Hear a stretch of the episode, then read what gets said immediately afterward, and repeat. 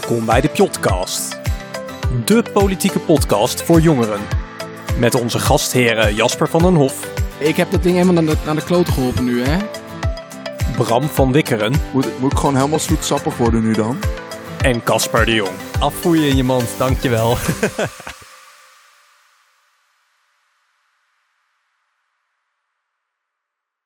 15 maart 2018. Het is rustig in Den Haag. Over de straten zijn de eerste briesjes van de aankomende lente voelbaar. Maar de wind voelt niet prettig en warm aan. Er staat wat groots te gebeuren, maar Nederland is nog niet wakker. Zes dagen en dan is het zover. Op het spel staat wat mensen in het diepste van hun bestaan raakt: hun vrijheid. We dwalen af naar het centrum van Den Haag en lopen de trappen op het JD-kantoor in aan de Haagse Bluff. Als we daar de ontvangstruimte binnenlopen, zien we ze, in groen gekleed. In het vertrek ernaast is een pomp hoorbaar. Rubberboten worden gevuld met lucht als wapens die geladen worden en peddels worden als lansen vastgehouden. De bevelhebber van de campagne neemt vol passie het aanvalsplan door. Daarna wordt het signaal gegeven. De mars naar het politieke hart wordt ingezet. Geen ruimte voor politieke belangen. Geen ruimte voor de ongemakkelijkheid van het statement voor D66.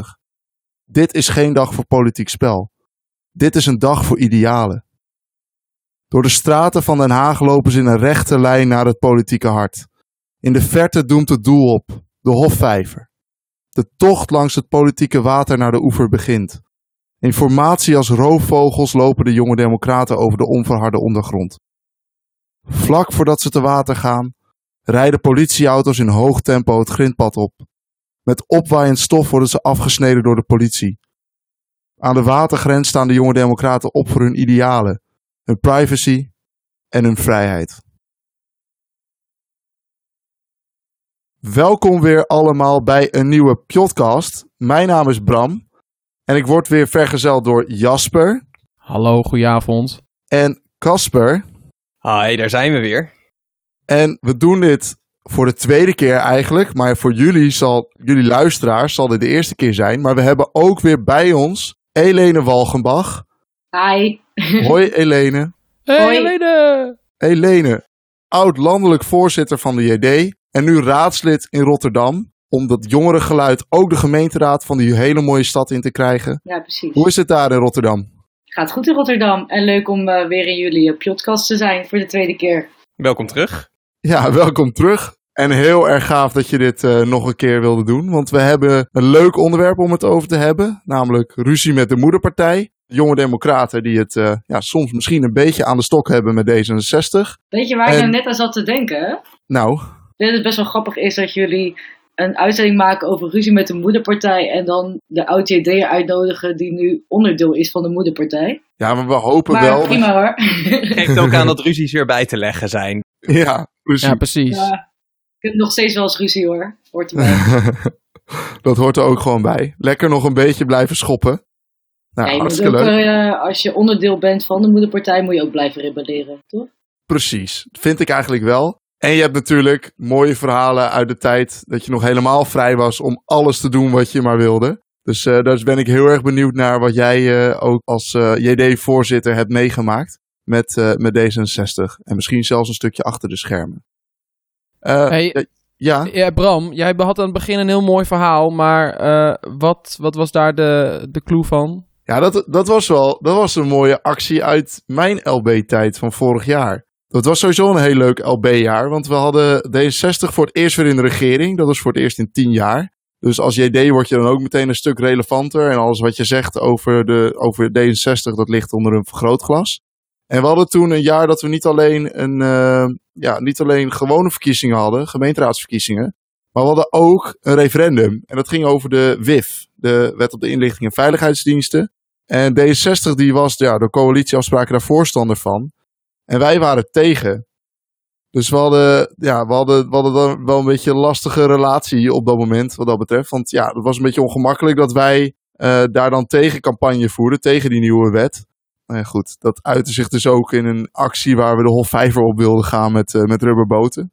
En ik hoorde iets over politieagenten. Ja, ja, dus we gingen daarheen, rubberbootje. Het zag er allemaal een beetje knullig uit, maar het zijn wel hele mooie beelden in de media van gekomen. Dus ja, het is dan een beetje knullig hoe je dat dan aanpakt, maar je hebt toch twintig vrijwilligers en, en de beelden en het statement, dat, eh, dat is gewoon wel goed. Maar eh, ja, de, de politie was ingelicht en eh, vlak voordat we te water gingen bij de Hofvijver, daar hangen dus blijkbaar allemaal camera's. Was het, was het nou dat ze dan met getrokken geweren en zo eh, naar je toe zeiden... Wat zijn jullie aan het doen? Ben ik hierin? Of eh, Nee, hoe moet je dat nee. zien? eh? Nee, we zijn ook niet onder schot gehouden. Want ja, het, we, zijn ook niet zo, we zijn ook echt niet zo'n actievoerclub, hè, de JD. Want Nee, ja, dan moet je bij rood zijn. Ja, ja. zeg maar, zo gauw je een politieauto ziet, hebben JD'ers al hun handen omhoog zo'n beetje. Dus het is echt, eh, ja, echt durf zit er dan niet in. Ik vind het vooral wel typisch dat in de aflevering over ruzies met de moederpartij je eigenlijk gewoon een eh, speech van, van Mierlo, van dat het campagnespotje van hem in een ander jasje stopt. Want dan zit je toch weer heel dicht eh, bij elkaar. ja, dat Ja, ja. Maar we Ja. gaan het deze aflevering dus vooral hebben over... eh, eh, ja, wordt het fitties of zo? Of ruzies die, we, die de JD had met D60?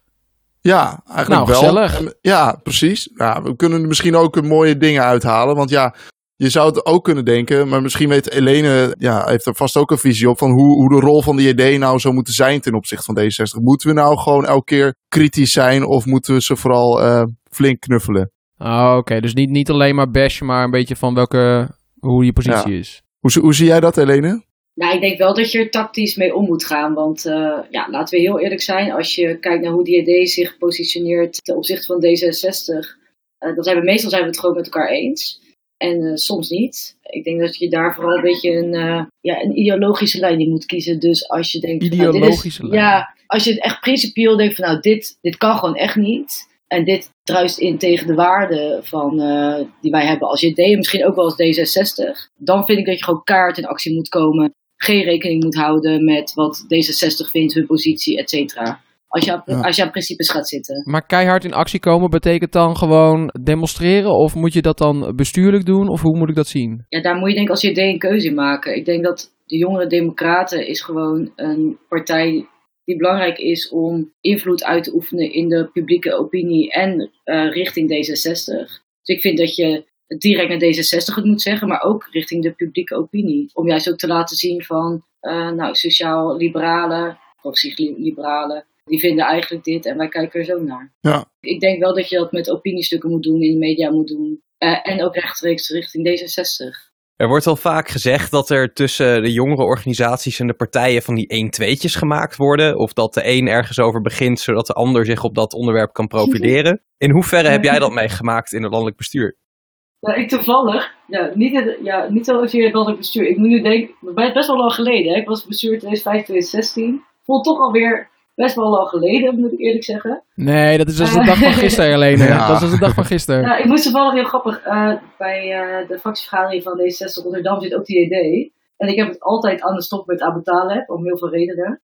Onder andere voert hij gewoon moties die ik indien en die aangenomen worden door de meerderheid van de raad, voert hij gewoon wel eens niet uit. Nou, dat vind ik echt Heb je daar een voorbeeld van? eh, ja, nou, een eh, motie die ik pas geleden heb ingediend is om een proef te doen met flexibele sluitingstijden in de horeca. Aangenomen door een meerderheid van de raad. Hij voert het gewoon niet uit. Oké. En ik word heel erg pissig daarvan. En dan vraag ik weer een debat aan en weer een debat. Blijf eindeloos doorgaan.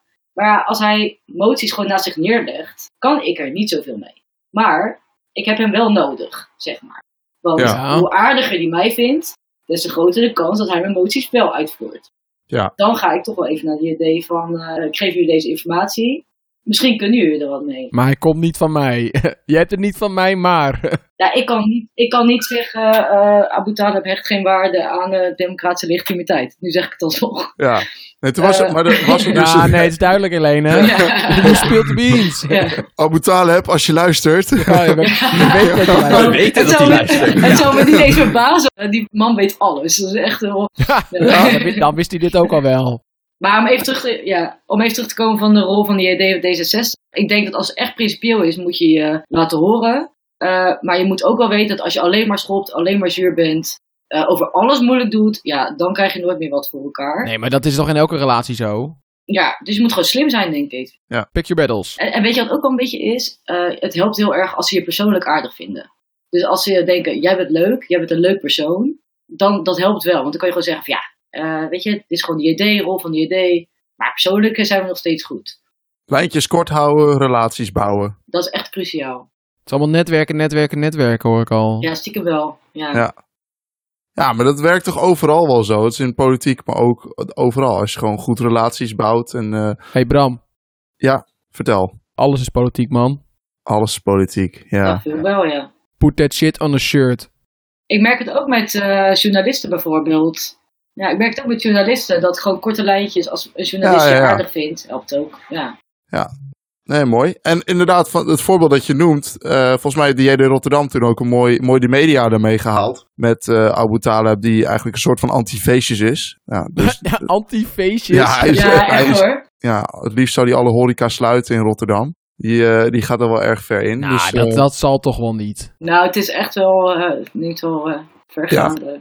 Pas op, Elena, hou je relatie goed met Abu Talib. Eh, wij Laten we zeggen het wel. Abu, doorgaan. Ik ga bij die idee te makkelijk praten, denk Abu ik. Talib, als je luistert, nou kappen. Niet meer die dingen sluiten. Vind Gewoon niet meer leuk. even die stad wat leuker De. Rotterdammers hebben hun zegje gehad, denk ik.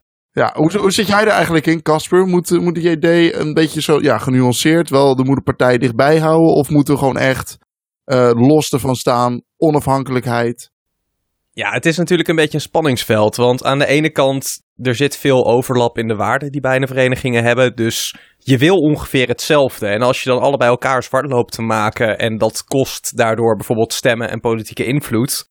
Ja, daar wordt niemand beter van.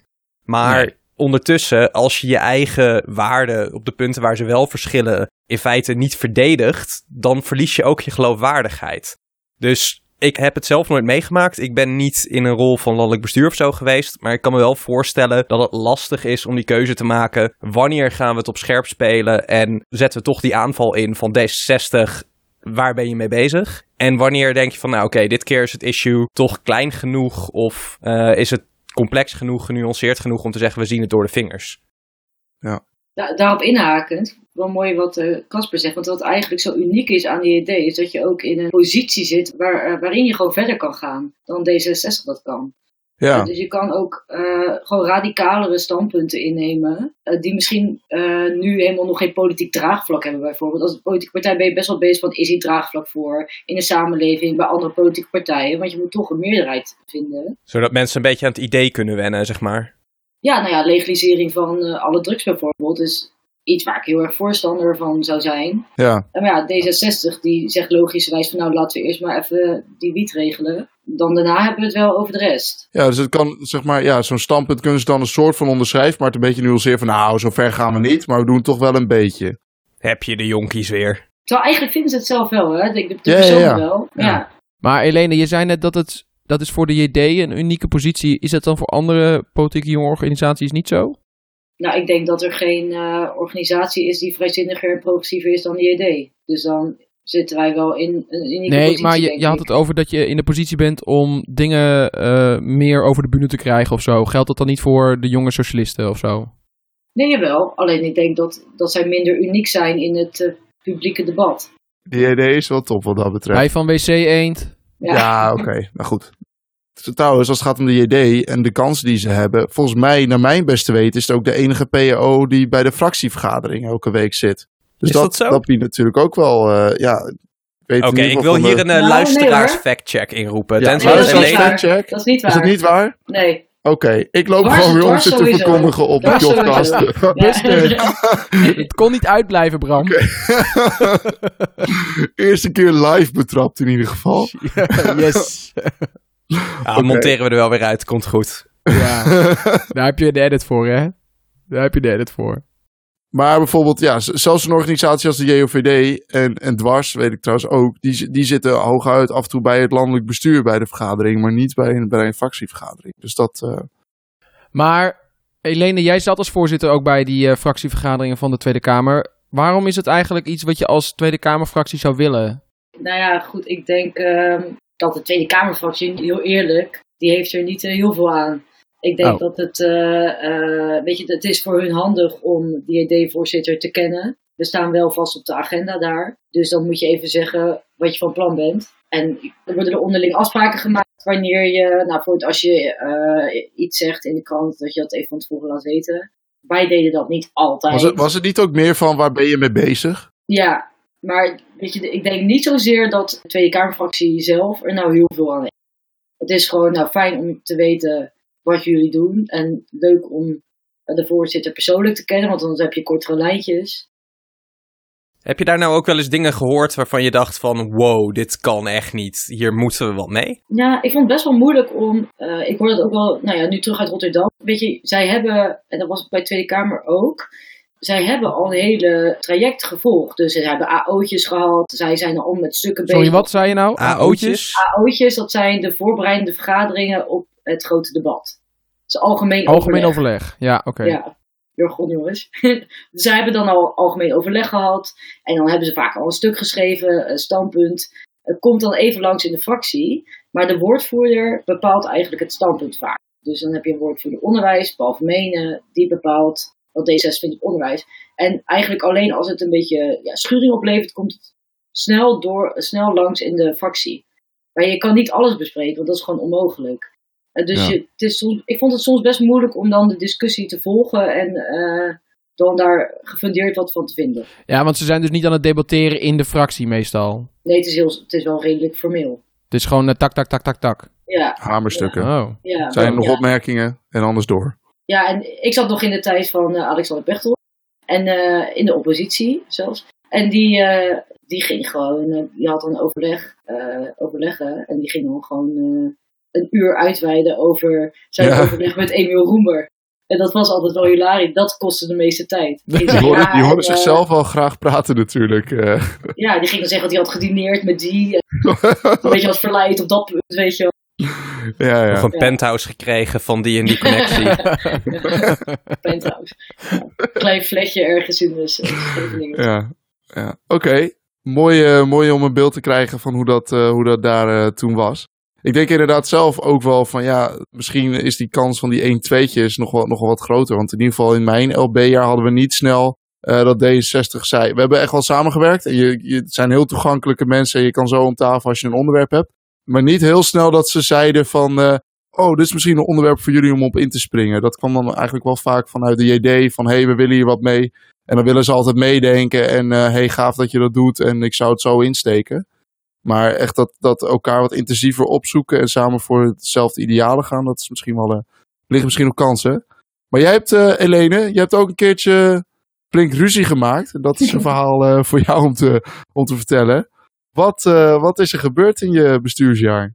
Wat ik ook wel typisch vind, dit is een voorbeeld die niet per se uh, nou ja, beleidsinhoudelijk is, maar wel heel principieel en heel belangrijk. Ja. Um, uh, in de tijd dat wij, ook Jasper, lang bestuur waren, waren de congressen van D66 echt heel duur. Moeilijk duur. Um, ja, moeilijk duur. twee congressen per jaar, zeg ik goed? Ja, twee congressen per jaar. En die prijzen liepen eigenlijk alleen maar op. Dus je betaalde iets van 70 euro zonder grappen, voor gewoon een congresdag met lunch. Dat betaalde je. Ja. Uh, en daar waren al wel, na een aantal jaren, was er veel onvrede bij de jonge democraten. Dus ik zag het ook wel als mijn plicht als voorzitter van, nou ja, daar moeten wij wel het gesprek over aangaan. Nou, dat ook gedaan. Want Helene, wat het probleem was, dat je kon niet binnenkomen zonder dat je kon betalen. En je kon dus niet eigenlijk gewoon naar de ledenvergadering gaan om te stemmen, zonder dat je ergens een, een betaalmuur tegenkwam. Oh, dus je, je bent lid van, uh, van een vereniging en je kon niet gratis stemmen? Ja, het principiële punt van ons uh, was, als jij contributie betaalt en lid bent, dan moet jij op de ALV, de Algemene Ledenvergadering, ook kunnen bepalen over de koers van de partij. Het is heel raar dat je dan nog een extra financiële drempel hebt. Uh, nou, helemaal intern, zoals je dat netjes doet, intern aan de kaak gesteld uh, bij het uh, Bureau en bij uh, Letty Demmers, die toen partijvoorzitter was. En zij zeiden eigenlijk toen van, nou, we gaan kijken of we wat kunnen doen. En toen was de conclusie, nou, wij kunnen niet iets aan die prijs doen, maar leden die het financieel krap hebben, die kunnen gebruik maken van de coulance-regeling. En de coulance-regeling, daar kon je mailtjes sturen naar het landelijk bureau en dan kon je gratis naar het congres. Ja. En toen dachten wij, nu hebben we jullie. Bingo. Bingo. uh, want wij hadden het idee, nou, wat nou als wij gewoon een mail maken uh, met een website, dat je alleen je naam hoeft in te vullen. En dan sturen wij een standaard mail voor de collansregeling uh, naar het landelijk bureau. Kan je gratis naar het congres. Ja. ja. Maar daar wilden we natuurlijk wel een beetje reuring aan geven. Dus we dachten, die lanceren wij vrijdag 26 augustus 2016. En dat was dezelfde dag eh, dat het verkiezingsprogramma gelanceerd werd voor de Tweede Kamerverkiezingen. je kiest er dan wel uit ook eh, qua Ja, datum. ik denk, als je het doet, moet je het goed doen.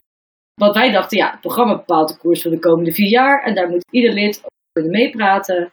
Eh, dus ze zijn, die actie en het verkiezingsprogramma zijn onlosmakelijk met elkaar verbonden. Dus wij wilden graag daar aandacht aan. Nou ja, wij hadden drie dagen voordat het verkiezingsprogramma uitkwam en wij de actie zouden lanceren, hun op de hoogte gesteld. En gezegd van, eh, nou ja, weet dat we dit gaan doen. Dat is de rol, vinden wij de rol van de IED. We hebben het eerst netjes intern aangekaart bij jullie. We stellen jullie nu op tijd op de hoogte, alles volgens afspraak. Maar dit is principieel voor ons. Ja. En dat gaan we dus Ja. doen. Nou, toen kwam er echt een soort van shitstorm. eh, met eh, belletjes en mailen en eh, het la- het landelijk bureau. De, de partij, eh, het eh, partijbestuur. Eh, en ik moest met Letty, de voorzitter, afspreken voor, voor die dag. Dat was wel grappig. Ik zat net nog even in mijn mailwisseling te kijken. Dat ze dus eerst wilden afspreken na die dag. Dat was ook wel. Huh? Oh, na, na na, die de, na de publicatie. Ja, zij dachten Lekker mij te slim. uitstelgedrag. Ja, zij dachten mij te slim af te zijn. En toen heb ik ook teruggestuurd van, eh, eh, nou mocht dit een manier zijn om de actie te verplaatsen naar een andere dag, dan moet ik jullie teleurstellen, want dan zetten we het gewoon door. Nice. maar, eh, want ben je, toen, ben je toen overvallen door het hele, hele bestuur of hoe ging dat dan? Nou, ik, ik had wel verwacht dat er heel veel reuring zou komen. Dat was ook wel de bedoeling. En was het nog, werd het nog via de band gespeeld, via eh Pechtold of zo? Er wordt best wel goed onderscheid gemaakt tussen wat partijzaken zijn, eh, verenigingszaken en inhoudelijke zaken. En dit was duidelijk een verenigingszaak. Dus Ja? dat gaat wat los van de fractie. Ja, Denk je echt dat Pechtold niet iemand is die hier dan van op de hoogte wil zijn? En anders... eh, ja tuurlijk. Ja, nee. ik had ook die mail naar Letty gestuurd. En ik had hem ook naar de fractie gestuurd. En toen heb ik voor mij later, toen kreeg ik reacties van anderen. Dus toen had ik ook in die mail gezet van, nou, ik ga ervan uit dat, jullie, dat iedereen nu volledig op de hoogte is. Eh, ik ging dus op die... Even ik, heb echt, ik heb vandaag zo gelachen toen ik die mails terug ging lezen. Dat was echt wel heel mooi. ja, het is echt een goed spel. Hè? Dit is echt Ja. een prachtig spel. Ik moet wel echt credits geven aan Jelle Agens, die toen persvoorlichter was. eh, want ik heb het helemaal samen met hem uitgedacht. Ja. Eh, dus eh, ja, het hele Mijn Nederlander bestuur verdient de credits voor. Maar wat we dus toen Ah. hebben gedaan, ja, eh, dat is gewoon waar. Ja. Dankjewel hoor, Helene, dankjewel. ja, we hebben dit echt samen gedaan. Iedereen vond het ook heel tof, dat was heel leuk. Maar eh, eh, nou, wat toen is gebeurd, met Betty heb ik afgesproken. Eh, en eh, daarin hebben we afspraken gemaakt. Zij zei, En wanneer was dit? Was dit een paar dagen voor die actie of zo? Of Ja, eh, ik, ik stuurde die mail 23 augustus. En 24 augustus al met haar samengekomen. Dus dat was echt die dag erna gelijk. Oké, oké. Nou, zij, zij is ook wel een beetje een heel lief vrouwtje, moet ik zeggen. ja. Hele harde onderhandelingen met een heel lief vrouwtje. En zij zei heel erg, ja, ik begrijp het. En, eh, en Ja. toen was de afspraak dat wij een motie zouden indienen om de congressen voor het gratis te maken op het congres. Dat na de opening van het D66-congres gelijk die motie aan de orde zou zijn. Zodat de hele zaal voor zou zitten, dat is de opening van het congres. Ja. En dat hij positief advies zou krijgen van het D66-bestuur. Ja, dat is netjes. Maar, het addertje onder het gras, is dat wij die hele website eh, met die eh, mail, die standaard mail, nooit hebben gemaakt. Het was gewoon een totale, het was een totale bluff. Een totale bluff. Want wij dachten, ja, wij zijn echt niet zo, weet je, ja, als je deed, je moet een beetje redden, maar op het dag dat zij hun verkiezingsprogramma lanceren, dan hadden we denk ik, nou, ik weet niet of we het echt hadden gedaan, maar we hadden het niet gedaan. Hey Casper, wat vind je er nog van als je hoort dat het LB dit soort dingetjes eh, flikt eigenlijk? Ik vind het wel een mooi spelletje. Ik vind het ook wel goed aansluiten op wat ik eerder zei. Dit is natuurlijk een issue van die dure congressen, wat al heel lang speelde. Dus waarom dan precies dat moment in één keer wanneer het zo slecht mogelijk uitkomt? Je hebt er al heel lang de tijd voor gehad om het aan de kaak te stellen. Waarom moet dat in één keer zo scherp? En ik denk dat hier achter de schermen heel mooi hoog spel gespeeld is, zonder dat dat echt eh, ten nadele van D66 uitgepakt heeft. Ja, je hebt ook wel, denk ik, wat dit, betreft, wat dit betreft, als het gaat om een beetje aangenomen. hè? kritisch zijn. Ja, dat is ook mooi. Ja. En Ja, nou Iedereen ja. is nu ook blij mee en vindt het vanzelfsprekend. En ook het LB van D66, die denkt nu, ja, En ze halen meer geld op nu dan toen. Ja, want ze hebben, ze hebben het veranderd, hè? De, de, de, de, de inkomstenwerving. Dat, je kan nu zelf bepalen hoeveel geld je wilt neerleggen voor een ticket. Ja, ze In zeggen plaats van van, dat ze het van tevoren eh, hebben bedacht. Ja, de, werkelijkse, de werkelijke kosten zijn dit. Want zij, ze deed dan 70 euro moest je betalen, maar de werkelijke kosten waren dan 90 euro of zo. En nu zeggen ze werkelijke kosten zijn 90 euro, maar je kan zelf bepalen hoeveel je wil bijdragen. Dus dat kan ook 0 euro zijn. Ja. Ja, en, maar ik bedoel, wij, vonden ook, wij waren ook gewoon heel kritisch op die hoge prijzen. Ook omdat we dachten van ja, het is een enorme lichtshow. En eh, eh, voor qua inhoud en lunch is het, eh, valt het allemaal wel tegen. Dus waarom moet je zoveel, zoveel geld neerleggen voor alleen maar een fancy applausmachine? Ja. Ja. voor iedereen die nu aan het zoggen is thuis. Nee.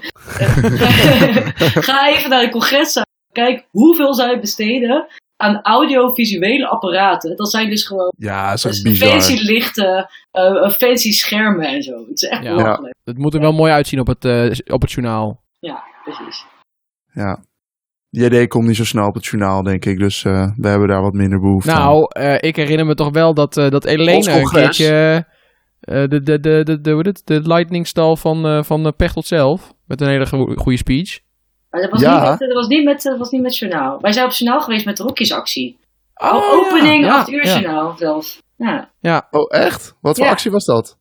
Dat was eh naar aanleiding van Keulen. Toen, waren, ja, toen heeft er eh, seksueel misbruik plaatsgevonden bij vrouwen. En toen hebben we samen met de jonge socialisten en dwars... eh, zijn we met de rokjes, ook de mannen in rokjes, door Amsterdam gelopen. Ja, en toen ben Oh, ik nog op de, ik ben nog op de Oekraïnse tv geweest. Omdat eh, iemand, eh, iemand eh, er was, een, was ook iemand, was ook op een nieuwsploeg uit Oekraïne. En die gingen mij interviewen in het Duits, geloof ik. Maar ik mocht in het Engels antwoorden. Het was heel vaag. En ik werd vervolgens, ik heb het nog een keer teruggezocht. Ik ben toen op de Oekraïnse tv, ben ik door die journalisten, ben ik zelf Oekraïens overgedubt. Dus ik had in één keer een vrouw die mij eh, vertaalde. Dat vond ik allemaal heel bijzonder. Ja, je Oh, droeg waarschijnlijk ook een rokje, dus dat matcht dan wel Een weer. rolstokje. Ja, dat doe ik met een. Maar was dat ook vanwege we- het rokje of was het omdat je de Krim had bezet? Nee, dat was niet vanwege de krim. Dat was vanwege het rokje. Ja, we, vallen nu geloof ik een beetje in een campagne voeren. En daar hebben we al een hele mooie aflevering over. Ja, Helene, die ik ben eigenlijk wel benieuwd. Is jouw persoonlijke houding ten opzichte van D66 nou ook veranderd door die blik achter de schermen die je vanuit de JD gehad hebt? Oeh. Nou ja, ik denk wel dat ik nu ik zelf D66 volksvertegenwoordiger ben, wat eh, ik ben wel wat extremer dan maar de andere fractiegenoten. En ik denk wat sneller van we moeten even doorpushen en eh principieel blijven en zo. Eh, dat wel. E- Extremer goed, ik denk- van ja, Ik moet wel principiële. heel eerlijk, ja, heel eerlijk, ik moet toch ook wel zeggen dat als je zelf dan aan die andere kant nu zit, ja, snap je, ik snap het nu wel heel erg.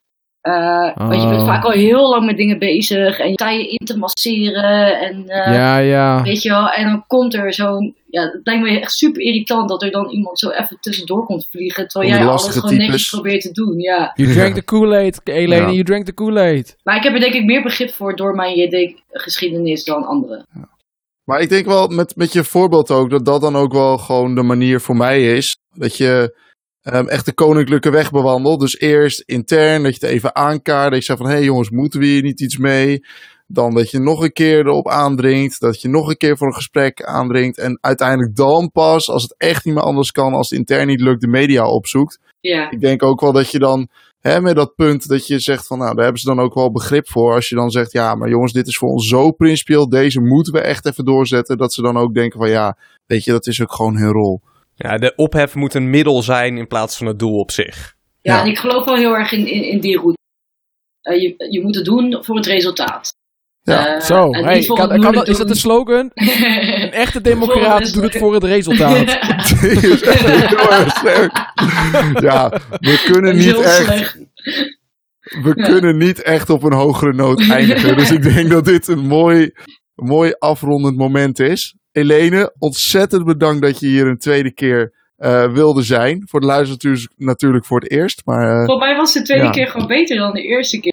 Ik denk het ook. Dus daar hoeven we het gewoon Ja, helemaal hè? niet meer over te hebben. Stiekem zag ik dat al aankomen. Ja, Helene, als we nou willen kijken wat je allemaal doet zo in die volksvertegenwoordiging. Waar kunnen de luisteraars je dan volgen? Op Instagram, Facebook en Twitter.